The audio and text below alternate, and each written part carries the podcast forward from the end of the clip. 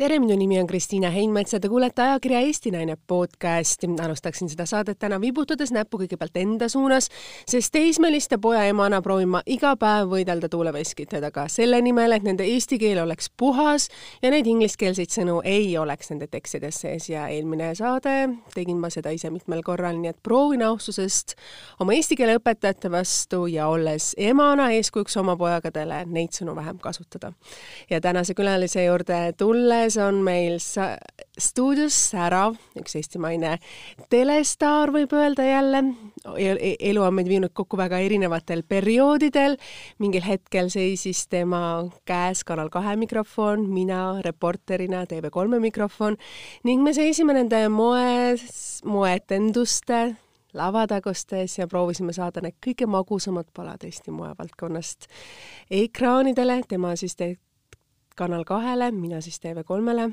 samamoodi tänast saadet ette valmistades ma avastasin, et meil on veel üks ühine joon, me oleme mõlemad Lõvitähtkujus sündinud ning naine, kes ei jäta kindlasti sellepärast oma sära ja šarmiga külmaks ühtegi inimest nendest seltskondadest, kuhu ta ilmub.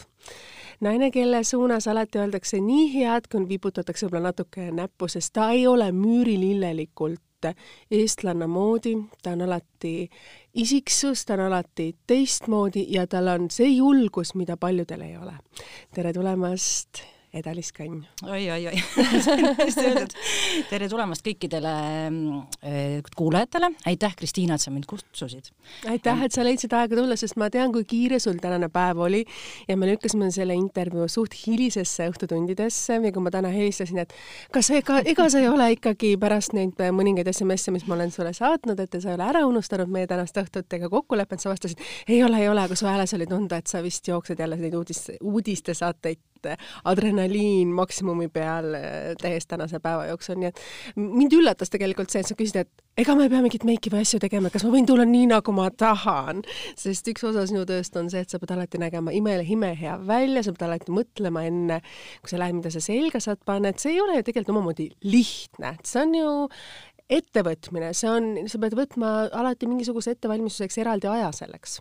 see töö on jah, natukene selline, et ähm, et sa pead alati mõtlema, mis sul seljas on, sa pead vaatama, mis, kuidas su juuksed on, kuidas su meik on ja siis sa astud ekraanile. aga lisaks sa pead ju ette valmistama üritusele, kuhu sa ka lähed, kes seal kohal on, mida sa küsid, mis teemad sa võtad, et see eh, lõbu, et sa näed okei okay välja, on puhtalt sinu enda isiklik lõbu. seda ei ole ette nähtud eh, sul telejaama poolt seda sa teed ise, ise otsid oma suhted, oma asjad ja ise vormid seda. ja teed tegelikult ka koos, mõnes mõttes koostöölepingud ju noh, mitte koostöölepingud, aga sellise ähm, heatahtliku mõlemapoolse koostöö. jah, just nimelt, et selles mõttes, et keegi ikka peab tahtma seda mulle anda selga ja mina tahan seda kanda ja et sellised äh, toredad äh, sõba, sõbrad, äh, partnerid lõpuks kujunevad välja, mis teeb elu lihtsaks, aga alustada nullist koputada uksele, et palun laenake kleiti, aga miks ma peaks, kes sa oled? äkki rikud ära, no maksa kinni, kaheksasada eurot iga õhtu no väga ei tahaks et see staatus tuleb välja võidelda. hakkame sellest algusest mm. pihta, nii nagu meil on, et iga naine on lugu, on meie podcasti teema ja ma tahaks just alati neid lehekülge puudutada, mis on, mis on, mis võib-olla meid naistena kujundab, mis on alati, millised emad me oleme, mis on need asjad, mida me oleme kaasa võtnud, milleni me jõuame võib-olla see emadena mõt-, mõtetades, et et äh, mis on siis need elus need tähtsad asjad, mida me oleme omas lapsepõlves kogenud, mida me tahame edasi anda oma lastele ja võib-olla tehes naistena neid erinevaid keerkäike ja läbi käies mööda neid käänulisi teesid, me saame lõpuks aru, mis on ka elus oluline, et sinna, kus me oleme jõudnud, et räägime sinu algusest, et ega see ei olnud ju lihtne, et sa ju ilmusid mõnes mõttes täiesti mm, natuke tundmatusest mm. -hmm. kui me nüüd täitsa lapsepõlve lähme, siis ma arvan, et minu kõige suuremad äh kujundajad on minu pere mm. -hmm. nagu ikka, perest me ikka kasvame välja, paljulapseline pere. palju sul on õdesid on? neli õde, ise olen viies isal oli kuus naist, noh, naine pluss siis viis tütart, eks ju. kujutad seda ette, seda isa kuue naisega. milline isa see peab olema, kes suudab hakkama saada kuue naise soovide täitmisega? isa oli maailma parim kui ema oli praktiline, ta pidi mõtlema, viis last on vaja toita, viis mm -hmm. last on vaja riidesse panna mm. -hmm. ostad kaks, kaks numbrit suuremad saapad, sest jalg kasvab. kaks numbrit suuremad joped, sest sa ju kasvad. aga isa oli see, kui sa ikka ära moosisid, viis ta sind poodi ja sa said said seda, mida sa tahtsid, mitte mm. seda, et on kolm või kaks numbrit suuremad, et sa kasvad. et äh, isa tegi alati siukseid mm,, siukseid äh, väikseid präänikuid mis on võib-olla see eriline präänik, mis sul on meeles, mida siis tollel ajal, kui me üles kasvasime, ei olnud ju poes neid präänikuid valida värvi ja suuruse ja võib-olla öelda moekuse järgi, vaid tuli suhteliselt valida see präänik, mis oli hetkel poes olemas pakutud, mis on võib-olla need hetked, mis on meie, kui oma, oma lapsepõlvele tagasi mõtleme, need olid ju erilised. see oli nii lihtne, see oli lihtne. see oli tegelikult see, et tüüpiline laps, ema ütles, et kohe tuppa, mina tahtsin veel suusatada, väike, väike küngas oli ja siis ei tule, ema, tule, tule, ei tule. no hea küll, lasen ühe korra veel. muidugi lased ühe korra veel, kukud käelumurd. see on, see on nii tüüpiline. nii, isa vist, autot pole meil peres kunagi olnud mm. -hmm ja aga me siis, isa võttis takso, sõitsime taksoga siis kiirabisse, mind pandi haiglasse.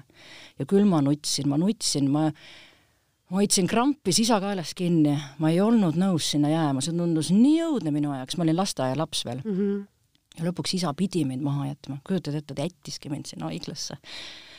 ja siis ma, ma ei olnud kunagi tahtnud nukkudega mängida ja mulle meeldisid autod ja poistemängud ja kõik siuksed asjad.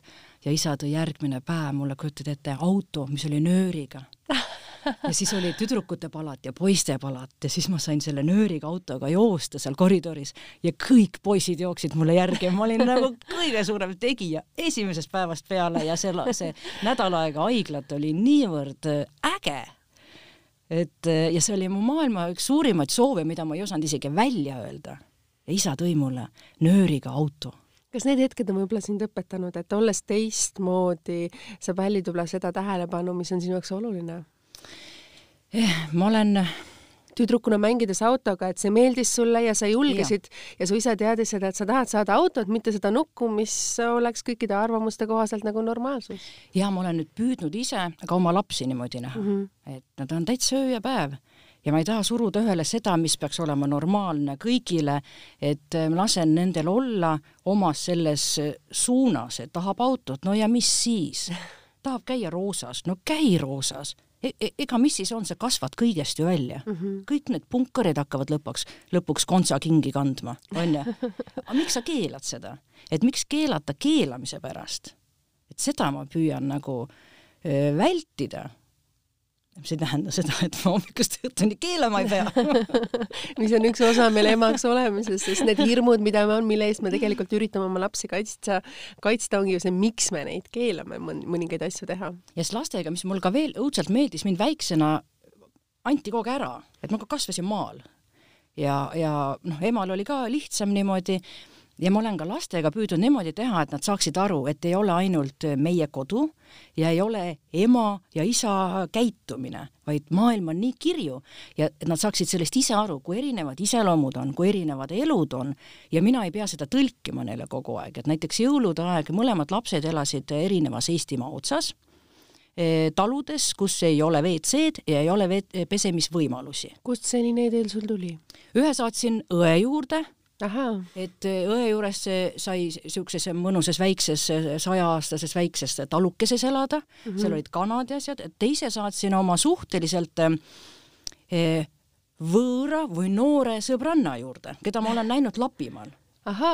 Nii, ja siis ta ütles, et temal on, ema tuli koju, ema on voodihaige, tal on abilist vaja, siis ma saatsin oma üheteistkümne aastase lapse talle sinna appi.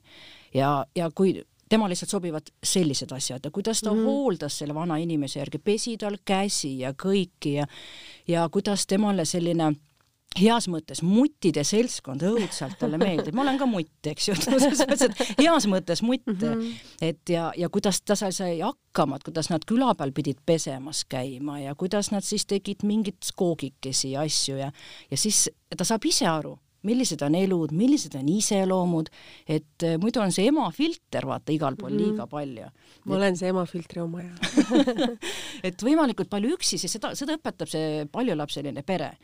sul ei ole kedagi, kes sind poputaks et ma, kõige, kõige suurem soov oli see, kui kool lõppes lapsepõlves, ma hüppan juba lapsepõlve jälle tagasi, et kui, et kui ma koju, tahtsin olla see, et jumala eest, et ma ei ole esimene, kes koju jõuab miks? sellepärast, siis ma pean ju pliiti alla tule tegema ja siis ma pean keskküttesse minema, kus see keskkütte see eh, labidas eh,, ahju labidas on sama suur kui ma ise ja siis võtta seda kivisütti uha sinna sisse onju ja siis see ei lähe põlema ja mis see vaene laps siis teeb?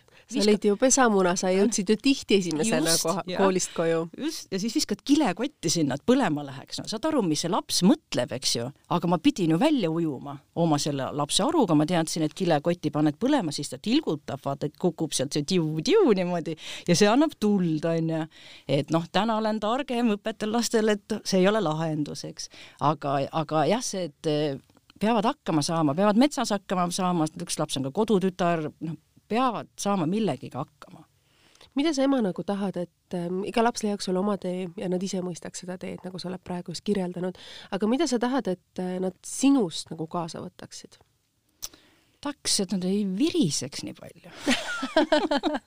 Sul on ju ka tütred on ju teismelised, et see on ju üks osa sellest eluperioodist, ma olen aru saanud, et see hommiku, lõuna ja õhtu, see on üks osa elust. ja, ja, ja ma olen ka imestanud, et, mulle õudselt meeldib see küpse, küp, küpseks saamise iga keegi me ei taha vananeda, aga see küpsus mulle meeldib, mulle meeldib, kui, kuidas ma olen väitnud, ma neid asju kunagi ei tee ja ma olen selline, kuidas ma kõik need sõnad mõnusalt tagasi võtan.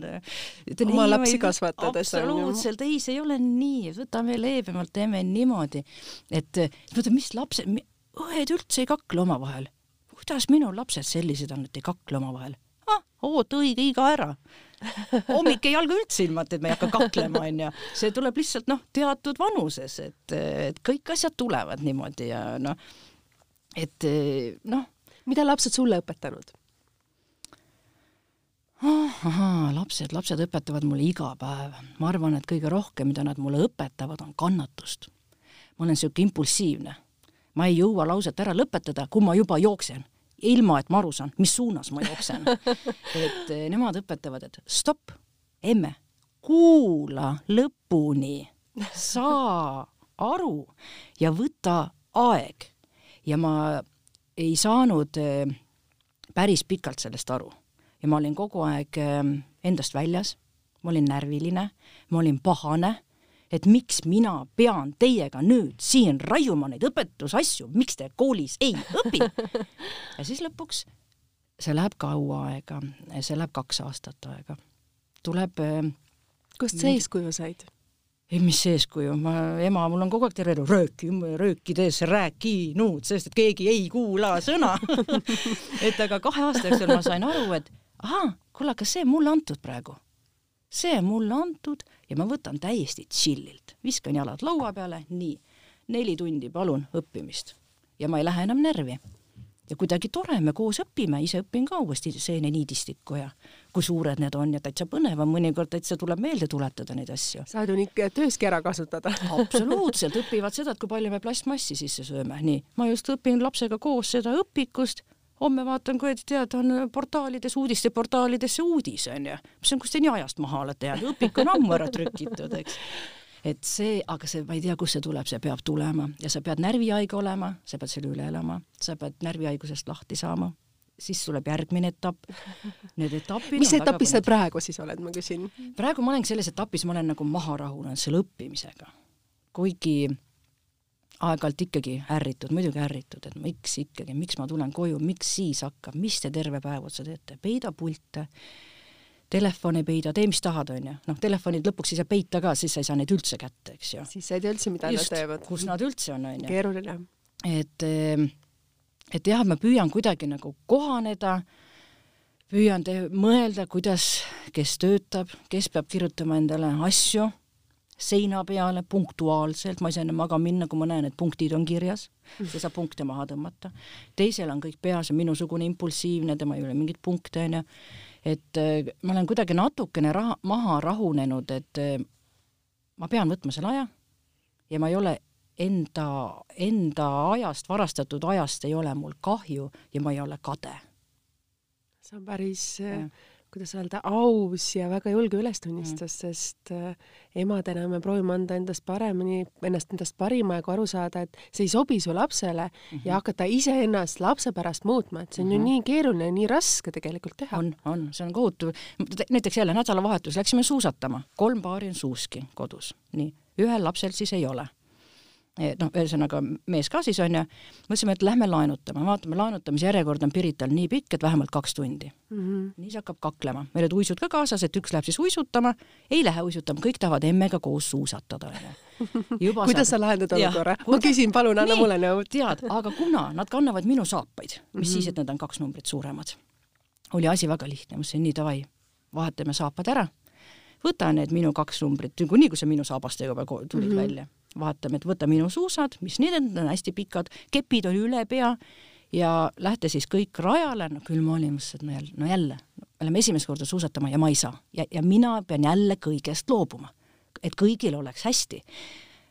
ja, ja siis ma ütlesin, hea küll, siis nad läks, läksime ja siis ma jooksin terve selle pika ringi tal kõrval ja kogu aeg motiveerisin, et uuesti ja uuesti, noh, kuidas nad teist korda elus üldse suuskadel me tegime selle keeruline jah. jah ja tegime pika ringi ära, ta oli rõõmus, ta oli õnnelik. ma isegi rahunesin maha, sest ma sain ka oma selle sportliku adrenaliini onju, sest et ma ka nagu poolsörgis onju ja aitad püsti ja kõik raja pealt, kõiki lapsi aitasin püsti, kõik olid seal käpulis, emad ei saa suuskadega aidata onju. jaa, seda küll. ja kui me selle ringi ära tegime ja siis laps ütles mulle, et sa oled maailma parim ema oi kui ilusad sõnad. ja siis ma mõtlesin, et issand, aga ma ei olekski saanudki niimoodi seda laps, last ju motiveerida suuskadega, ma oleks tahtnud eest ära sõita. mul oleks jälle pahane olnud, ma ei saa sportlikku vormi, sest ma pean sind kogu aeg tagantjärgi aitama, onju. ja ma läksin üksi õhtul suusatama, tegin oma seitse kilti ära ja ma olin nagu selle olukorraga nii rahul et sa suutsid emana leida tegelikult parima ja. lahenduse nii oma laste kui emana ka iseenda jaoks, et võtta ka iseenda jaoks aeg, et mitte ainult anda, vaid kuidas öelda, tagada nende vajaduste rahuldamine mm -hmm. ja leida ka aeg iseenda jaoks, et see ja. iseenda jaoks aja leidmine on ju väga keeruline, kuidas sina teed seda? ma, ma kõnnin kõnnid? jah, kuna vaata, mul on oleme jõudnud sinna ikka, et räägime, et meil on haigused mul on tohutu seljal, seljavigastus ja Aha. ma ei saa trenni teha juba pool aastat ja kuna, kui oled eluaeg sportlik olnud, siis ja. see mõjub väga halvasti, see mõjub su juba nagu mentaalselt halvasti ja, ja siis ma olen püüdnud nüüd kõndida, et ma kõnnin tööle mõnikord, ei tööle ei kõnni, kõnnin töölt koju mõnikord, siis ma kõnnin mõnikord sealt, noh, sealt Sikupilli vastast mm, -hmm. sealt Tartu maantee pealt äh, Kadriorgu Ku,, kuidas juhuslikult see tuul on, vaatan seda selle järgi mm, -hmm. et ma püüan nagu kõndida mitu tuhat sammu sa päevast kõnnid? oi ära, see pole üldse palju. ma mõtlesin, et ma ei tea, mis maratoni mul sealt ära tuleb ma tulen sealt kümne tuhande sammuga, tulen sealt Sikkupilli pealt koju.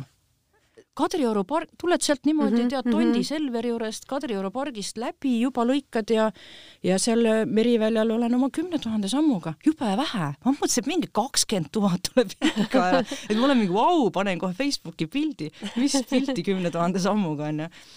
aga praeguse külmaga sa siis suusatad? ma noh, ja püüan jah et ma ise, ise... mis ma nagu iga päev suusatamas ei käi, ärge lootke. niisuguseid illusioone ei ole, sellist aegagi ei ole, eks ju. aga kui mul nüüd see on see vaba aeg, siis ma tahan ikka see, et eh, pere, lähme ja teeme koos perega. koos perega, siis kõik, kõik. kümme tuhat sammu ma olen ise avastanud täpselt sama, sama teema, et eh, kui kevadel oli see viiruseperiood ja meil oli, kõik olid eh, lockdownis ja ka jälle ingliskeelne sõna mul. Kõik oli nagu lukustatud ja me pidime kodus olema, siis äh, samamoodi, et sa andsid emana ennast maksimumi päeval, sa tahtsid õhtul oma aega, aga sa ei saanud väga kuskile kaugele minna, siis mina näiteks arvestasin, avastasin ümber maja kõndimise, noh mm -hmm. minul on selline sada sammu ümber maja, noh teinekord oli õhtuks kaheksa tuhat sammu veel tegemata.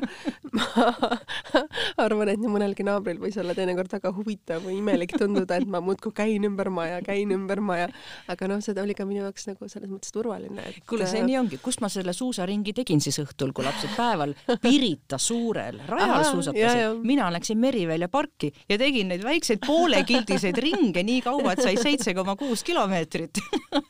No vot et..., vot mida me emadena teeme, aga täpselt samamoodi, et ma tundsin ennast nagu hästi, nagu sina ütlesid, sa said mhm. selle oma aja ja mul oli täpselt samamoodi, et tuled põlesid, ma nägin, mida mu lapsed toas teevad, pool aega on lapsed näha, pool aega ei ole, siis lootsin, et selle poole ajaga jäävad ellu jutumärkides mm, -hmm. et eh, kuna väike oli veel pisikene veel kevadel. no vot kui, vot kui armas selline kokkusattumine meil meil taaskord. aga minnes tagasi lapsepõlve, sa oled ju tegelikult Virtsust pärit, et ikkagi maaperest, maa tegemised ja nüüd sa oled Tallinnas mm. -mm, päris nii ei ole.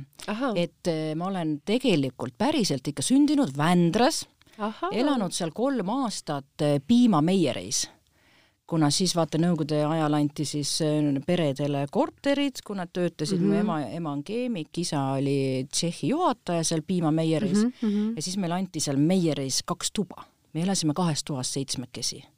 et see oli minu lapsepõlv, millest ma tegelikult ei mäleta mitte midagi Mm -hmm. et ma mäletan, noh, ainult üks mälupilt on, et kuidas ma sain kontoris joosta ringi ja üks tädi oli, kes alati andis kommi mm.. ma ei mäleta õdesi, ei ema ega isa, aga ainult üks tädi, kes kommi andis. vaata, vaata, mis mälu meil jääb ikka head asjad siuksed, eks ju. no ilmselgelt. ja aga, kolmeaastaselt juba kolisime Tallinnasse ja siis olengi terve elu praktiliselt elanud seal Tallinnas, aga Virtsu kanti eh, Matsalu lahe äärde kolisin ma siis, kui ma soovisin lapsi saada ja leidsin mm -hmm. endale siis armastuse, kellega lapsi teha, siis minust sai maainimene aga ma olen seal Virtsu kandis Kirblas oma vanaema olnud, ma kõik suved mm -hmm. ma olen muidu niimoodi seal maal olnud et sa ju tegelikult taastad praegu Kasselaiu, sul on seos Kesselaius on mul jah, isa on seal sündinud, ta on nüüd pärandatud minu õele mm, -hmm. aga meil on selline kannu, kannud sunft seal, eks ju, et kõik no, ilmselgelt koos õdedega, võib seda niimoodi just, nimetada, teid on palju. kõik me seal käime, kõik me seal mm -hmm. puhkame, et, et see on selline noh, hästi-hästi-hästi eksklusiivne, et tellid endale laeva järgi ja siis mm -hmm kõik söögid, joogid, elektrit ei ole, vett ei ole, mitte midagi ei ole, et ja siis sa noh, see on, see on niisugune päris, päris elu, hästi romantilisel saarel mm väga armas, väga ilusti sa kirjeldad seda, et eks see Muhumaa ja Saaremaa oma väikeste ja. kadakatega ja nende soojade õhtutega ja need kiviaiad, need kiviaiad, mis on säilinud. Saaremaa maguslõhn on minul endal lapsepõlvest meeles, mis oli minu isa on ju Saaremaalt pärit. et need magusad aasade lõhnad, mida ei ole mitte kuskil mujal kui sealsamas kihelkonnal, kus ma proovin siis iga suvi vähemalt korra mõne tunni viibida, et ka enda tegemised on ikkagi rohkem mandrile, lapsed vajavad oma, et sa ikka ei jäta neid päris üksi või neid kaasa tirida sinna aasa peale jalutama, ega see nendele ka väga ei meeldi, et siis tuleb see samamoodi see kompromiss nagu leida mm. -hmm. aga sa rääkisid, et äh, sa mingil hetkel, mingi eluperioodil olid maal, et sa elasid mm -hmm. täiesti maaelu. milline see oli, et ega see ei ole lihtne maal elada? no see oli nagu päris muinasjutt miks ta muinasjutt oli? no see oli ikkagi sellise linnainimese mm, illusioon et ma nüüd lähen maale. kui ma maal olen, siis ma maal kindlasti ei ela nagu alevikus maal mm -hmm. on mhm. loomad, maal on põllumaad, kõik see on ju maaelu. ja see on sinu töö? ja see on minu töö ja see, ja siis ma võtsingi selle nagu eesmärgi, ma võtsin lambad, ma võtsin kanad siis ma võtsin haned, hanedega ma mõtlesin, et kuidagi võiks ju nagu raha teenida, et võiks jõuluhanesi müüa mm, -hmm. sest mhm. turul oli alati need külmutatud haned, mõtlesin, ma müün oma mahedat värsket hane ilma külmutamata, siis saad aru, et issand, kui kallis see kõik on, kust sa seda raha võtad, et sa kõik need jäärad endale ostad, tõujäär ja kõik need asjad on ju, siis küülikud, et küülikud, et õigest sorti oleks, siis need küülikupuurid, siis need lambaaiad, kõik see oli, no see oli paras hullumaja aga see hoidis sind kakskümmend neli aastat, kogu aeg oli sul midagi nii teha, mis oli hästi põnev. no see sobib, sobib ka sinu iseloomuga no,, et sul on alati kuhugi joosta, kogu aeg on mingi tulekahju, mida on vaja kustutada. ja siis ma sain aru, et hanesi, neid osta Eestist on kallis ja siis me see on nagu jälle tore salakaubana, tõime elukaaslasega siis laste isaga koos Lätist tõime üle piiri, läksime sinna tehasesse, tõime sada, sada viiskümmend hane vist umbes tõime mm. -hmm. väiksed tibupojad, imearmsad kollased tupsud sellised. ja siis, aga sa pole elu sees neid loomi ju kasvatanud ega lindi lindu, eks ju siis panime tuppa, tegime sellise, no üks eestuba oli mm, -hmm. loomulikult sa võtad linnud tuppa, onju, noh, mis sa saad aru, et kui, kui linnainimene kasvatab lambaid ja kõik kuidagi hellakeselt, onju, aga teadmisi oli ikkagi vähe, Google aitas, aga oleks pidanud paremini ka aitama mm. -hmm. et noh, suur tõenäosus seesama stuudio meil siin on, mis meil on, see on kolm, kaks meetrit korda kaks meetrit, umbes selline ruum ja seal on sada viiskümmend tibu. ja me panime nagu viis niisugust purki, kuhu paned pirnid sisse, siis nad saavad sooja mm -hmm. ja siis tibud lähevad ümber purgi niimoodi mm. -hmm. aga neid purke oleks pidanud olema seal viisteist mm, -hmm. sest et tekkisid kuhjad ja alumised lihtsalt surid alt ära lämbusid ära. see oli esimene õppetund, eks ju. siis ma selle avastasin, siis ma sain aru, selge, paneme rohkem, nii, juba oli noh, kakskümmend tibu kuskil surnud. siis nad said see, see kollane tibu sirgus ja muutus niisuguseks hästi inetuks, selliseks välja veninud linnuks, ei meenutanud ei hane ega, ega ka mitte, ma ei tea, täiesti niisugune mingi täiesti kole lind on. vaata see linnainimese arusaam siis maaelust niisugune hästi imelik välja veninud lind, kus ei ole sulgi veel peal mm, -hmm. aga ei ole kollane ka, ainult mm -hmm. valge. aga siis toimus jälle mingi, mingi asi, kus nad hakkasid mul surema oh jumal tead, kuidas ma nutsin, ma nutsin, ma saatsin, helistasin emale, vaatab, kui emaga kaob mm -hmm. kontakt mingis vanuses, siis ma sain emaga kontakti jälle tagasi mm, -hmm. ootad ise last, eks ju, siis sa -hmm. kasvatad neid tibusid, siis hoiad need süles, siis süstlaga süstisin neile vitamiini sisse, eks ju, mhm. ja õhtuks ikka olin sul ära surnud, onju, siis ma lõpuks mhm. ütlesin, et ma ei jõua, ma ei suuda, ma olen teinud mingi täieliku katastroofi oma elus, millega ma mõtlesin illusioonides ma saan hakkama, aga ma ei saa hakkama, sest see käib üle minu mõistuse ma isegi saatsin äh, laborisse mm -hmm. uuringutele, kas loomaarst ütles mulle, kuule, Edalis, linde ei ravita, et saa aru.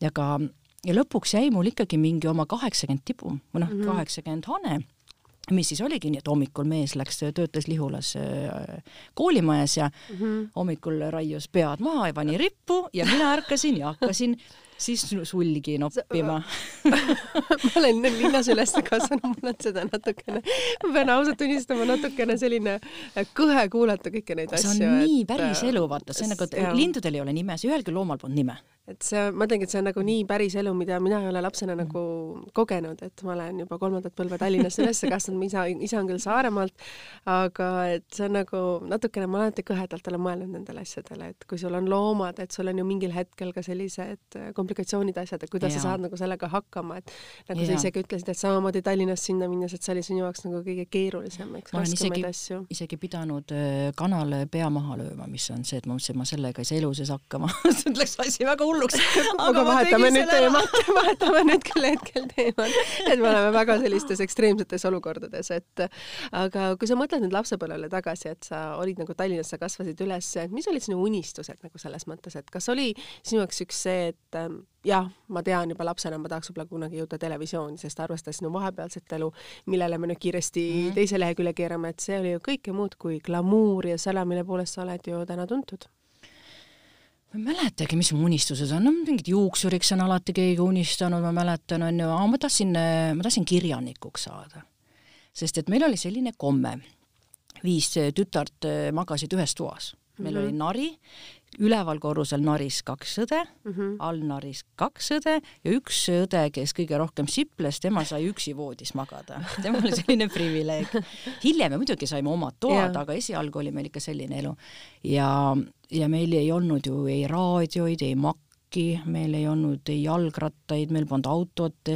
ja siis meil oli selline traditsioon, et kõik kas, kas loevad õhtul midagi mm -hmm. ette või siis jutustavad, muidugi keegi mm -hmm. ei tahtnud jutustada, aga kuna mina ei viitsinud lugeda, see oli kohutav tüütus, siis mina nagu kogu aeg mõtlesin välja mm. -hmm. ja minu kõige ägedamad muinasjutud olidki, et oli äike, päike ja pilv ja kõik siuke elu -hmm. oli, onju, et siukene action oli ja ja, ja, ja sealt mulle kuidagi tundus, et minust aasta vanem õde mm -hmm. ütles, et nii hirmsad lood on, et, et ta ei saa magada, siis ma mõtlesin, et äkki mul on mingi anne välja mõelda lugusid ja siis mõtlesin, et äkki minust saab kunagi kirjanik. Läksid sa seda õppima? hakkasid sa seda reaalselt ellu viima? ei hakanud, see jäi sinnamaale, see jäi täitsa sinna, siis, siis tul-, siis sa kasvad nagu edasi.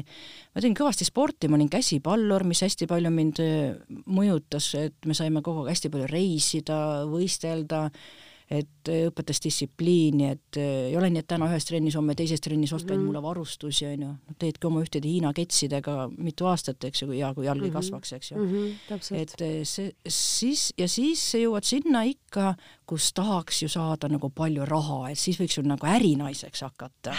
et see oleks nagu kõige parem unistus, et olla ärinaine kuidas sinna sa jõudsid siis ja mis sellest, kuidas selle äris osalemisest sai? no ärinaine ma olen ikka täitsa olnud me käisime sõbrannaga mööda prügimägesi ja korjasime neid traate kokku.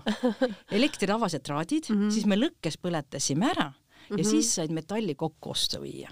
nii et see oli kasumlik selle raha eest me saime päris head raha ja me mäletan üheksanda klassi lõppu pidu oli niimoodi, et me läksime vanalinna juuksurisse mm -hmm. oma rahaga, kohu, kohutav soeng tehti, ma polnud üldse rahul, vahet pole, aga me läksime oma raha eest juuksurisse, me sõitsime taksoga mm -hmm. Viimsi kooli. Ja vanemad läksid jala läbi pargi. me olime nii tehtud, me olime nii rikkad, et no vot seda rikkust ei jõudnud ära nautida. Nii et sa olid siis umbes sama vana kui su vanem tütar praegu, kui sa siis tegelesid selle, selle, selle mul on veel kaksteist, vaata kaksteist on, siis on ikka juba neliteist või? jaa, neliteist, üheksandas klass, et sa neliteist, viisteist. mida, kas su vanemad teadsid sinu salaärist? ei teadnud, mul ema käis, ema käis mul äh, me oleme terve elu käinud ka lilli müümas mm, -hmm. mis on ka niisugune hästi ettevõtlik ettevõtmine, aga pensionärist ema käib ka praegu surnuaia väravas, kus käime ka meie aitamas, terve mm -hmm. elu oleme pidanud seal käima, et ta käis äh, kullerkuppe korjamas. ja siis äh, see oli praegu nüüd täis ehitatud rajoonid, aga see mm -hmm. oli mhm. see sõjaväe osa seal Meriväljal ja. ja seal äh, metsa sees me neid, neid traate põletasimegi ja kui tuli ükskord ema et, et siis meil oli ikka väga kiired jalad, et sealt äh, jalga lasta. jäite vahele? ei jäänud aga noh, see, et kui sa nagu lõpuks koju jõuad, ei pannud tähelegi, kui tahmane sa oled. seda kindlasti. katsud ja siis katsud ennast ja et niisugust action'it ja noh, niisugust äri on tehtud kus sa keskkooli lõpetasid? ma lõpetasin Pirital, ma läksin, käisin algul Viimsis ja siis Piritale mm. -hmm kuigi Viimsi oli nagu jah, see ei olnud kõige targem samm võib-olla, aga no vaata mingis vanuses ma ei tea, ma ei, kui ema või isa, keegi ütleb midagi, ei, ma ikkagi teen seda, mida mina tahan, mis minule tundub, et kuidagi jah, need otsused on kõik tehtud elus ise et eks see ajastu oli ka, et meil tuli noortena väga, väga kiiresti ise iseseisvuda ja mm -hmm. hakkama ja haarata selle ühiskonna kaasaminemisega, sest noh, vanemad nägidki igapäevaselt ju tegelikult vaeva sellega, et meil oleks katus pea kohal ja, ja. leib laual ja ilmselgelt küsida nende käest arvamusi, siis nad ei jõudnud selle elutempoga kaasas käia, sest need üheksakümnendad, kui me olime noored ja meil tuli neid otsuseid langetada, siis see oli üks, võib öelda, kõige kiiremaid ajalugusid ajaloo osas üldse ju Eestimaal. jaa, seda küll, jah kuidas sa siis sealt edasi sattusid, et äh, sa lõpetasid Pirita gümnaasiumi? siis ma läksin õppima edasi juurat ja kuna, ja kuna kohe oli vaja ju tööd teha, et siis äh, kohe keegi hakkasin... meile taskuraha ei andnud, keegi andnud, meile ei. öelnud, siis tuli ju ise oma kulukirjadega hakkama saada, leida see balanss. Ja siis ma nagu läksin juurat õppima ja kohe hakkasin kandideerima ja ma kandideerisin uudisteagentuuri RAS oli siis riiklik aktsiaselts ETA mm -hmm. ja ma sain sinna tööle, kus öeldi, kuigi ma juba kõrvalt olin Rakvere lihakombinati Tallinna hulgilao operaator või? sul on see nimi veel meeles. See oli tegelikult selline töö, et sina oled telefoni otsas ja siis võtad vastu ja siis üks pood esitab tellimuse. Mm, -hmm. ütleb suitsuvorst, sina paned neli, kuus, seitse.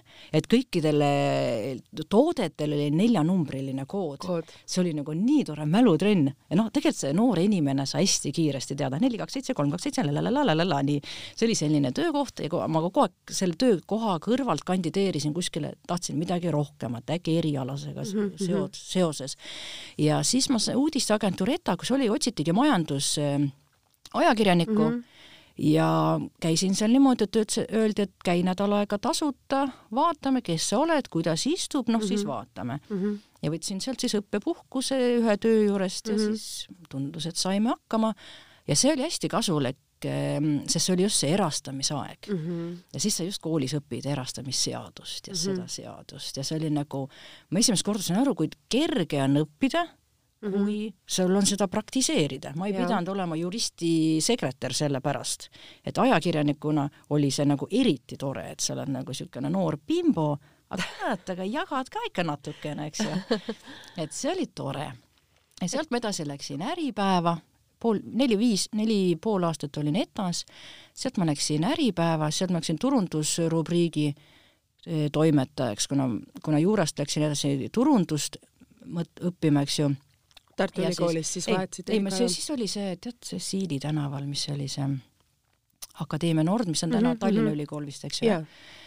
ja siis eh, turundusrubriigis olin mis ka mingi neli pool aastat ja siis ma, siis ma põgenesin üldse Eestist ära. Eestist ära, kuhu riiki? kas sa lõpetasid Mindesse. siis ülikooli ja ülikool jäi pooleli, sest sul ja, oli vaja erialaselt tööd liiga palju teha ja mul oli vaja raha teenida. No elu vajas elamist, ilmselgelt see oli tollel ajal väga paljude ülikooli pooleli jätnud inimeste otsused, kas sul on katus pea kohal ja sa pead nagu tegema mingit tagasihoidmist, et noh, seda balansis hoida, et noh, kõik ei suutnud, et seal, kui Mm. sa, kui sul oli juba sissetulek olemas, sa võib-olla loobusid sellest ühest raskusest, läksid võib-olla kergema vastupanu teed, et seda ma see- nimetangi natuke selliseks laiskuseks jah, aga me noortena ei mõista seda, et Mm-mm. võib-olla see haridus on tähtis, et olenemata kui raske sul on, et sa pead ikkagi selle ära et see on et nagu see see, mida magus mina raha- emana proovin lastele öelda, kui sa alustad, sa lõpetad. ja, ja magus raha rikub tihti mõnikord ära, et tundub, et oh, näed ju raha tuleb, et mis mul siis üldse veel vaja. See ei ole sul nagu elu lõpuni nii. et sa natuke seda kahetsed, nagu ma saan ja, aru. seda et oleks kahetsen. võinud selle ikka ära Jaa. lõpetada. oled sa nüüd hiljem mõelnud, et läheks ja teeks ikkagi selle diplomi ära või lõpetaks ära, et jah, ma läksin, ma läksin ju siis eh, sinna noh, aiandust õppima, mis see siis nüüd on meil seal nüüd, jumal, nüüd on mäluauk. Räpinasse, Räpinasse sain riiklikule kohale ilusti, et ma tahtsin maastikuarhitektuuri osta. millal see nüüd oli? see oli siis nüüd, kui ma vahepeal välismaal ära käisin ja siis tagasi tulin Okei. enne just ennem kui ma lapsed sain, et ma olin juba maalainel, vaata kuidagi, et mhm. mulle õudselt meeldib füüsiline töö meeldib sulle füüsiline töö? mulle meeldib füüsiline töö ja ma unistan vaikselt äh, ka aedniku ametist. Kas sa siiamaani õpid seal koolis, sa tahad seda Ei, ei, ma- lõpetada ma ei- või see oli lihtsalt tollel ajal? ma läksin sinna sisse mm. -hmm. ja see tundus kuidagi, nad hakkasid, algasid nad, kuidas maad kaevata. siis ma mõtlesin, jeerum. et ma olen terve elu maad kaevanud, et, et ja kuidagi see ja siis see räpina, see nagu ikkagi nii kaugele jäi. jällegi minu laiskus tuli see mingi uus noh, täielik elumuudatus, teine elu, laste planeerimine, järsku kuskil Läänemaal on mingi maja, kuhu peaks kolima ja oma elu, noh, loomi hakatama kasvatama. see keerab jälle pea peale selle asja, et mul on kogu aeg nagu mingid drastilised sellised, mis keeravad selle asja pea peale. saja kahekümne, saja, saja kahekümne kaheksa kraadised muudatused, mis viivad sind siis ühes, ühest eluetapist täiesti teise eluetappi. kus tundub, et ma saan nüüd kõik asjad paika, ma hakkan Mhm. nüüd kõndima mm. -hmm. Siis lõivad, tõmmatakse nagu jalad alt ära, kõmm, ja nüüd jookse teises suunas. kuidas sa ise nagu nendele jalad alt hetkedele ära vaatad, et mis sind aitab nagu edasi, et ilmselgelt äh, sa oled mingil hetkel ju täiesti augus, et sa ju ei tea, kuidas sealt välja tulla, et kui sul need asjad ikkagi nii kingi, noh, ütleme kokku jooksevad, et äh, Need jalad alt olid ju tegelikult ju uus armumine, mis on väga mõnus. Ja siis sa teed lenneldes uusi asju. Ja, unustad vanad asjad veel kiiremini, kui nad sul üldse peas olid. Läheb kümme aastat mööda, mõtled, "Mm, võib-olla ei oleks pidanud nii kõrgelt lendlema, aga sellel hetkel anna ainult tuld. Kas armastus on edasiviiv jõud sinu jaoks? Meeletult, meeletult. aga rää- lähme korra põikame tagasi sinna Indiasse ja siis jõuame sinu suurima eluarmastuse Mhm. juurde kohe ka veel et India, Indias oli ka kust jällegi, see nüüd tuli? mis ideed, mida sa seal Indias tegid blondi helesinise, helesiniste silmadega naisterahvana? see oli jällegi armastuse kirg et eh, armastus minu elukaaslane, kes väga armastas Indias käia. Ja, nii et reisimine? jah, ja ta mm -hmm. oli Mhm. kuidagi niimoodi, et eh, mitte nagu selline mööda Indiat mm Mhm. -hmm. otsida ekstreemsust, vaid vastupidi, hästi mugavalt sättida ennast Indias kuidagi ära et sinna päris luua kodu ja jääda sinna elama? oma turvaline kodu, oma turvaline kohvik, kus sa oled iga hommik oled ühes kindlas selles nagu rannamajakeses omaenda isikliku selle köögiga seal kõik, et sa, et tema ei olnud, vaata Indiasse minnakse ju mm. -hmm. niimoodi, et sa noh, võtad rolleri ja rändad, et hästi mm -hmm. kihvt mhm. tema tahtis ainult mugavust. sul peab olema soe vesi, sul peavad asjad need kõik olema, noh, kuidagi selline hästi turvaline, sa mõtled India turvaline, miks see, mine siis kuskile Euroopasse mm, -hmm. Aga samas selline eh, lihtsus, algeline, see kõik nagu võlus Mm -hmm.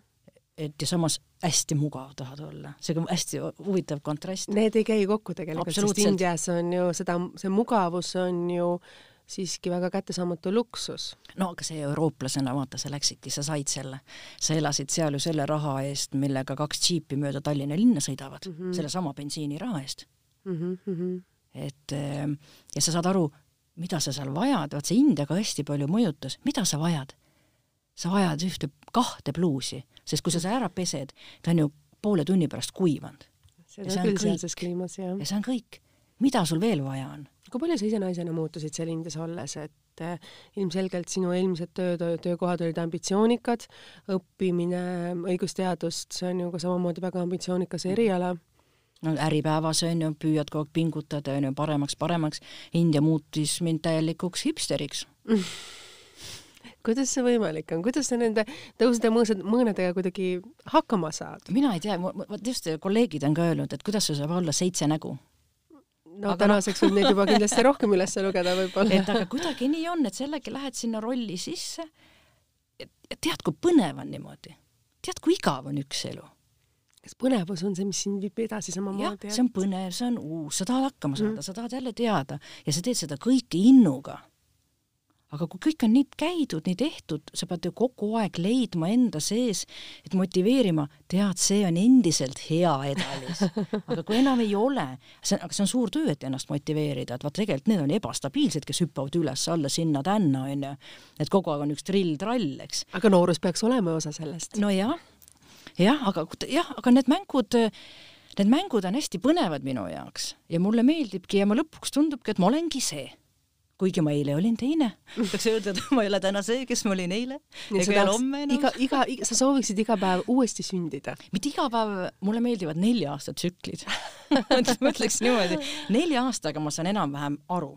Mm. -hmm vanasti olid viis aastakut, sinul on ja, siis neli aastat. neli aastat, jah. et kui ma nüüd eh, jõuame selle uue armastuse juurde, siis ma ütlesin ka, et arvesta, siin on nagu neli aastat tsüklid, et ega see on midagi... praegu kuus aastat ju olnud, nii et juba rohkem, rohkem., aeg läheb lennates no,, meil juba jookseb kaheksas aasta kas nüüd on head või halba oodata, kui kaks tsüklit saab läbi? vaat mulle tundub, et mul, mul on nagu elu pikim suhe mm -hmm. hetkel. ja ma arvan, et noh, see on ka nüüd see küpsus, mis nagu annab seda elutarkust ei ole vaja joosta mida, millega me tegelikult seda saadet äh, alustasime, et küpsus võib-olla, võib-olla selline rahulikkus on see, mida sa oled nüüd lõpuks oma lastelt õppinud. ja, ja et seda ja seda iseenda küpsust ka, et sa ei ole enam kolmas B. kas sa pead emotsioneerima iga asjaga või?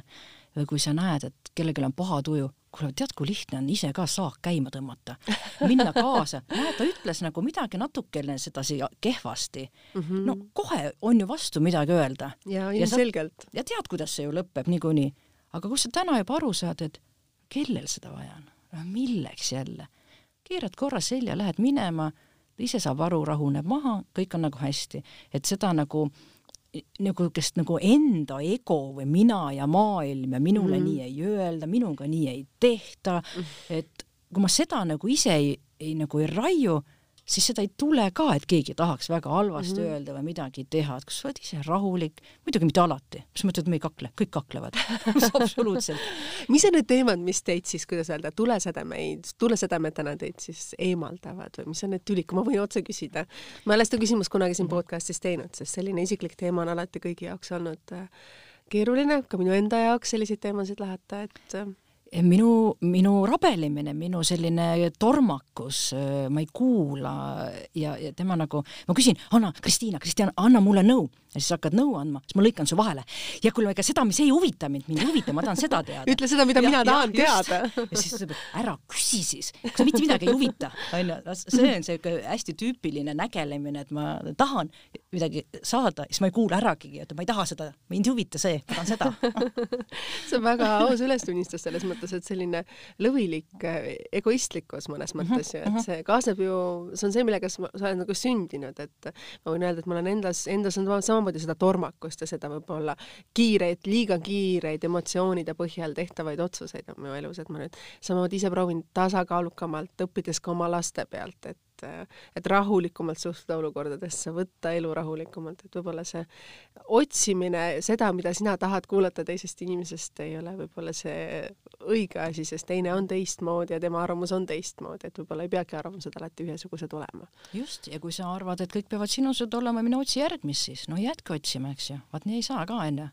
Teil on ju Aldoga väga suur ähm, vanusevahe, üheksateist, üheksateist aastat, et, et kuidas sa nagu ise sellesse suhtud, et öeldakse, et armastus on pime, et armastus äh, paneb roosad prillid ette nagu selles mõttes, aga ühiskonnas, kuidas Eesti ühiskonnas nagu suhtutakse sellisesse väga suurde vanusevahesse, et mul on endal ka tutvusringkonnas seda päris palju, öeldakse, et nii hästi kui halvasti, et kuidas ise oled sa tundnud, sest ikkagi te olete ju avalikkuse ees väga palju, väga tihti?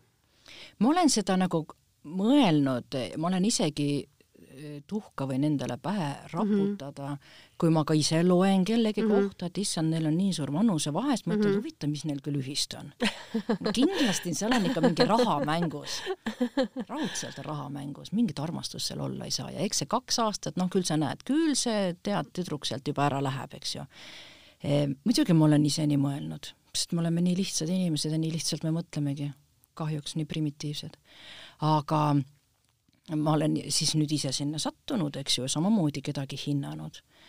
Ehm, ma isegi tead, ma ei tunneta seda vanusevahet. et kas võib-olla see rahulikkus ja küpsus, mis tuleb temalt, on ka see, mis on sind mõnes mõttes maha rahustanud, et ma olen mõnikord mõelnud, vaata, me oleme ikkagi oma eh,, valime kuidagi eh, abikaasasi või elukaaslasi mm -hmm. oma mhm. isade järgi või? et isa oli selline hea, soe, rahulik mm. -hmm. et, et noh, kuidagi kas Ehm, talle meeldib ka maatööd teha, maangat kaevata, saad aru, seesama kikilipsuga härrasmees, eks ju. et eh, meil on kuidagi, mul on kuidagi nii turvaline, nii hea, nii soe. ja meil on nii palju ühist, et ta on samasugune ta on tegelikult samasugune crazy ta teeb täiesti hulle asju minuga koos kaasas, et et mina arvan, et tema avastas endas sellise lapselikkuse või sellise nooruse sädeme, mida tal nagu tundus, et pere peana ei tohiks endale lubada mm. -hmm. et ta võib ka lollusi teha mm. -hmm yeah. oma sisemise, oma sisemise mina siis, mis Just. oli tal olemas, mis ta omamoodi isamehena ja arvestades Aldoga eelnevat yeah. töökarjääri, on see, kus ta pidi ju seda kõike maha suruma. pidi kogu aeg olema arhitekt ilmselgelt ja. pidi olema ju filigraanselt viimse täpsuseni paigas kõik detailidena. pidi olema siuke ideaalne mees, minuga ei pea olema, minuga võib krutskeid teha milline on ideaalne, ideaalne mees sinu jaoks? ei no ma ei tea, vot minu jaoks ideaalne mees on Aldo praegu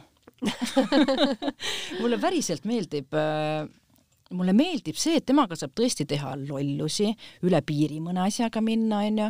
E, temaga saab, meil on hästi, me koos teeme maa, maamaja praegu seal mm -hmm. renoveerime ja ehitame, mis mm -hmm. renoveerime, tegelikult oma kätega kõike teeme, et et me oleme hästi töökad mõlemad mm, -hmm. et e, meil on niimoodi, et me, me saame hakkama niimoodi, et me ei pea üksteise kukil elama mm. -hmm. ja ja siis ta on nagu oskus võib-olla austada üksteist sellisena, nagu te olete, nagu te olete. jah, ja ta on tark, ta on mul selline entsüklopeedia, mis mul kogu aeg on taskus, et kui on vaja, siis ma kohe helistan, kuule, mis see on, kuidas see on, mis sa selle kohta arvad, et ta on mul nagu kõige suurem mentor üldse seda, mida sa ütlesid, et on suur mentor, seda on nagu, kuidas öelda, tihti täheldatud seda, et me oleme mm. olnud ise ka väga mitmetel vastuvõttudel, kus siis noh, ma olen kas siis külalisena või samamoodi reporterina seisnudki nagu sinu kõrval ja nähes, kuidas te Aldoga nagu seda koostööd teete, siis no mäleta keegi kunagi tegi sellise märkuse, mis ei olnud võib-olla kõige ilusam ja siis mõtlesin, et issand jumal, et kui sa oled naine, sa leiad enda kõrvale mehe, kes sind armastab sellisena, nagu sa tahad ja sa oled nõus kõike tegema selle nimel. mida saab see nais veel, naine elus veel soovida, kui ja. sul on elukaaslane, kes ilmselgelt austab, hindab sind sellisena, nagu sa oled, on nõus käima nendel üritustel, et olla mm. koos sinuga, mitte et temal on oma elu, ta on kodus ja sina pead tööalaselt sinna minema ja on nõus hoidma ka seda kaamerat, sest tihtipeale, nagu me teame, tehnilistel põhjustel ei pruugi seda kaamerat alati kohal kohal olla või see inimene on samamoodi oma perega seotud, ei taha õhtul välja tulla mm. -hmm. et see on ju mõnes mõttes nagu noh, sinu eluunistuse täitumine, et su kõrval on selline inimene, kes toetab sind ja austab sind sellisena, nagu sa oled. seda, vot sellega ma olen nõus ma olen päriselt nõus, jah. et seda on kõrvalt nagu ilus ja. tegelikult ju vaadata, kui noh, mõni kommentaar on, et oi, et nad on koos või miks ta umbes mm -hmm. sellist asja teeb, aga see ongi ju sellepärast, et ta sind armastab et see, sellega ma olen jah nõus ja see on üks suurim kingitus, mis üldse nagu, mis on antud, jah kui tähtis on armastus sinu elus, et sa ütlesid, et armastuse pärast oled sa kolinud Indiasse, jätnud oma tööd ja tegemised ja ülikooli kolinud maale, tegelenud nende, ma ei taha neid nimetada erinevate, erinevate elukutsetega, et kui oluline on sinu jaoks armastus? no armastus on ikka kõik. armastus annab, armastus annab ju selle, et me armastame ennast ja ma olen ka mõelnud seda, et äh, ma olen teinud ka lastele, noh, ikkagi algul vaata, peab õppima, meie vanuses ju ei olnud seda hellust vanemate poolt nii palju emotsioonid olid pigem maha surutud, et see oli seda väljendada teistmoodi. Et... söök on laual, see mm -hmm. tähendab, et ema armastab sind ju mm. -hmm. aga kallistusi, siukseid asju nagu ei olnud meie peres. et siis ma olen nagu praegu ise algul pidanud õppima hästi süstemaatiliselt, et ma iga kord, kui panen lapse magama, ütlen, et sa oled kõige kallim, kõige ilusam, kõige andekam mm.. et kõik need sõnad lugeda ja lastele õudselt see meeldib mm.. emme, tule ütle unesõnad, emme, tule ütle unesõnad. kui armas, mis on need unesõnad siis? et ongi see, et sa oled kõige kallim, kõige armsam, kõige ilusam, kõige targem ja nüüd lenda siis sinna unemaale, kus täituvad kõik sinu unistused. kas sa oled šokolaadimaal või jäätise meres või oled äh, banaanide seas või mis, mis just juhuslikult on, eks. et see on see, mida nad kõik ootavad ja siis nad nagu lähevadki sinna lennukiga, siis me saame seal maal kokku tavaliselt väga armas, aga võib-olla need on need sõnad, me, millega me võiksime oma podcasti lõpetada. taaskord on äh, meil tunnikene möödas, kui sa alguses küsisid, et kas ma lõikan või kuidas ma seda saadet teen, siis ma ütlesin, et üldjuhul ma vajutan selle rekk-nupu alla, panen oma kõlli algusesse, me hakkame rääkima ja see tund kaob iseenesest meie vestlusesse ära, et see oleks kõige vahetum ja ausam meie siiraste emotsioonidega ja nii ta oli. lõpetame siis nende ilusate sõnadega, et me kõik pärast seda podcasti lendaksime nende muinasjutu imelistesse maailmadesse, olenemata, mida me siis valime. Kas siis Terminaatorina lastena, kuidas öelda siis, mänge mängides või meie naistena nendes helesnistes pilvekestes hõljudes või printsessidena, nagu meie tütred ilmselgelt veel roosa, roosamanna maailmas, et laseme oma fantaasiatel siis viia meid armastusena, kuhu iganes me soovime.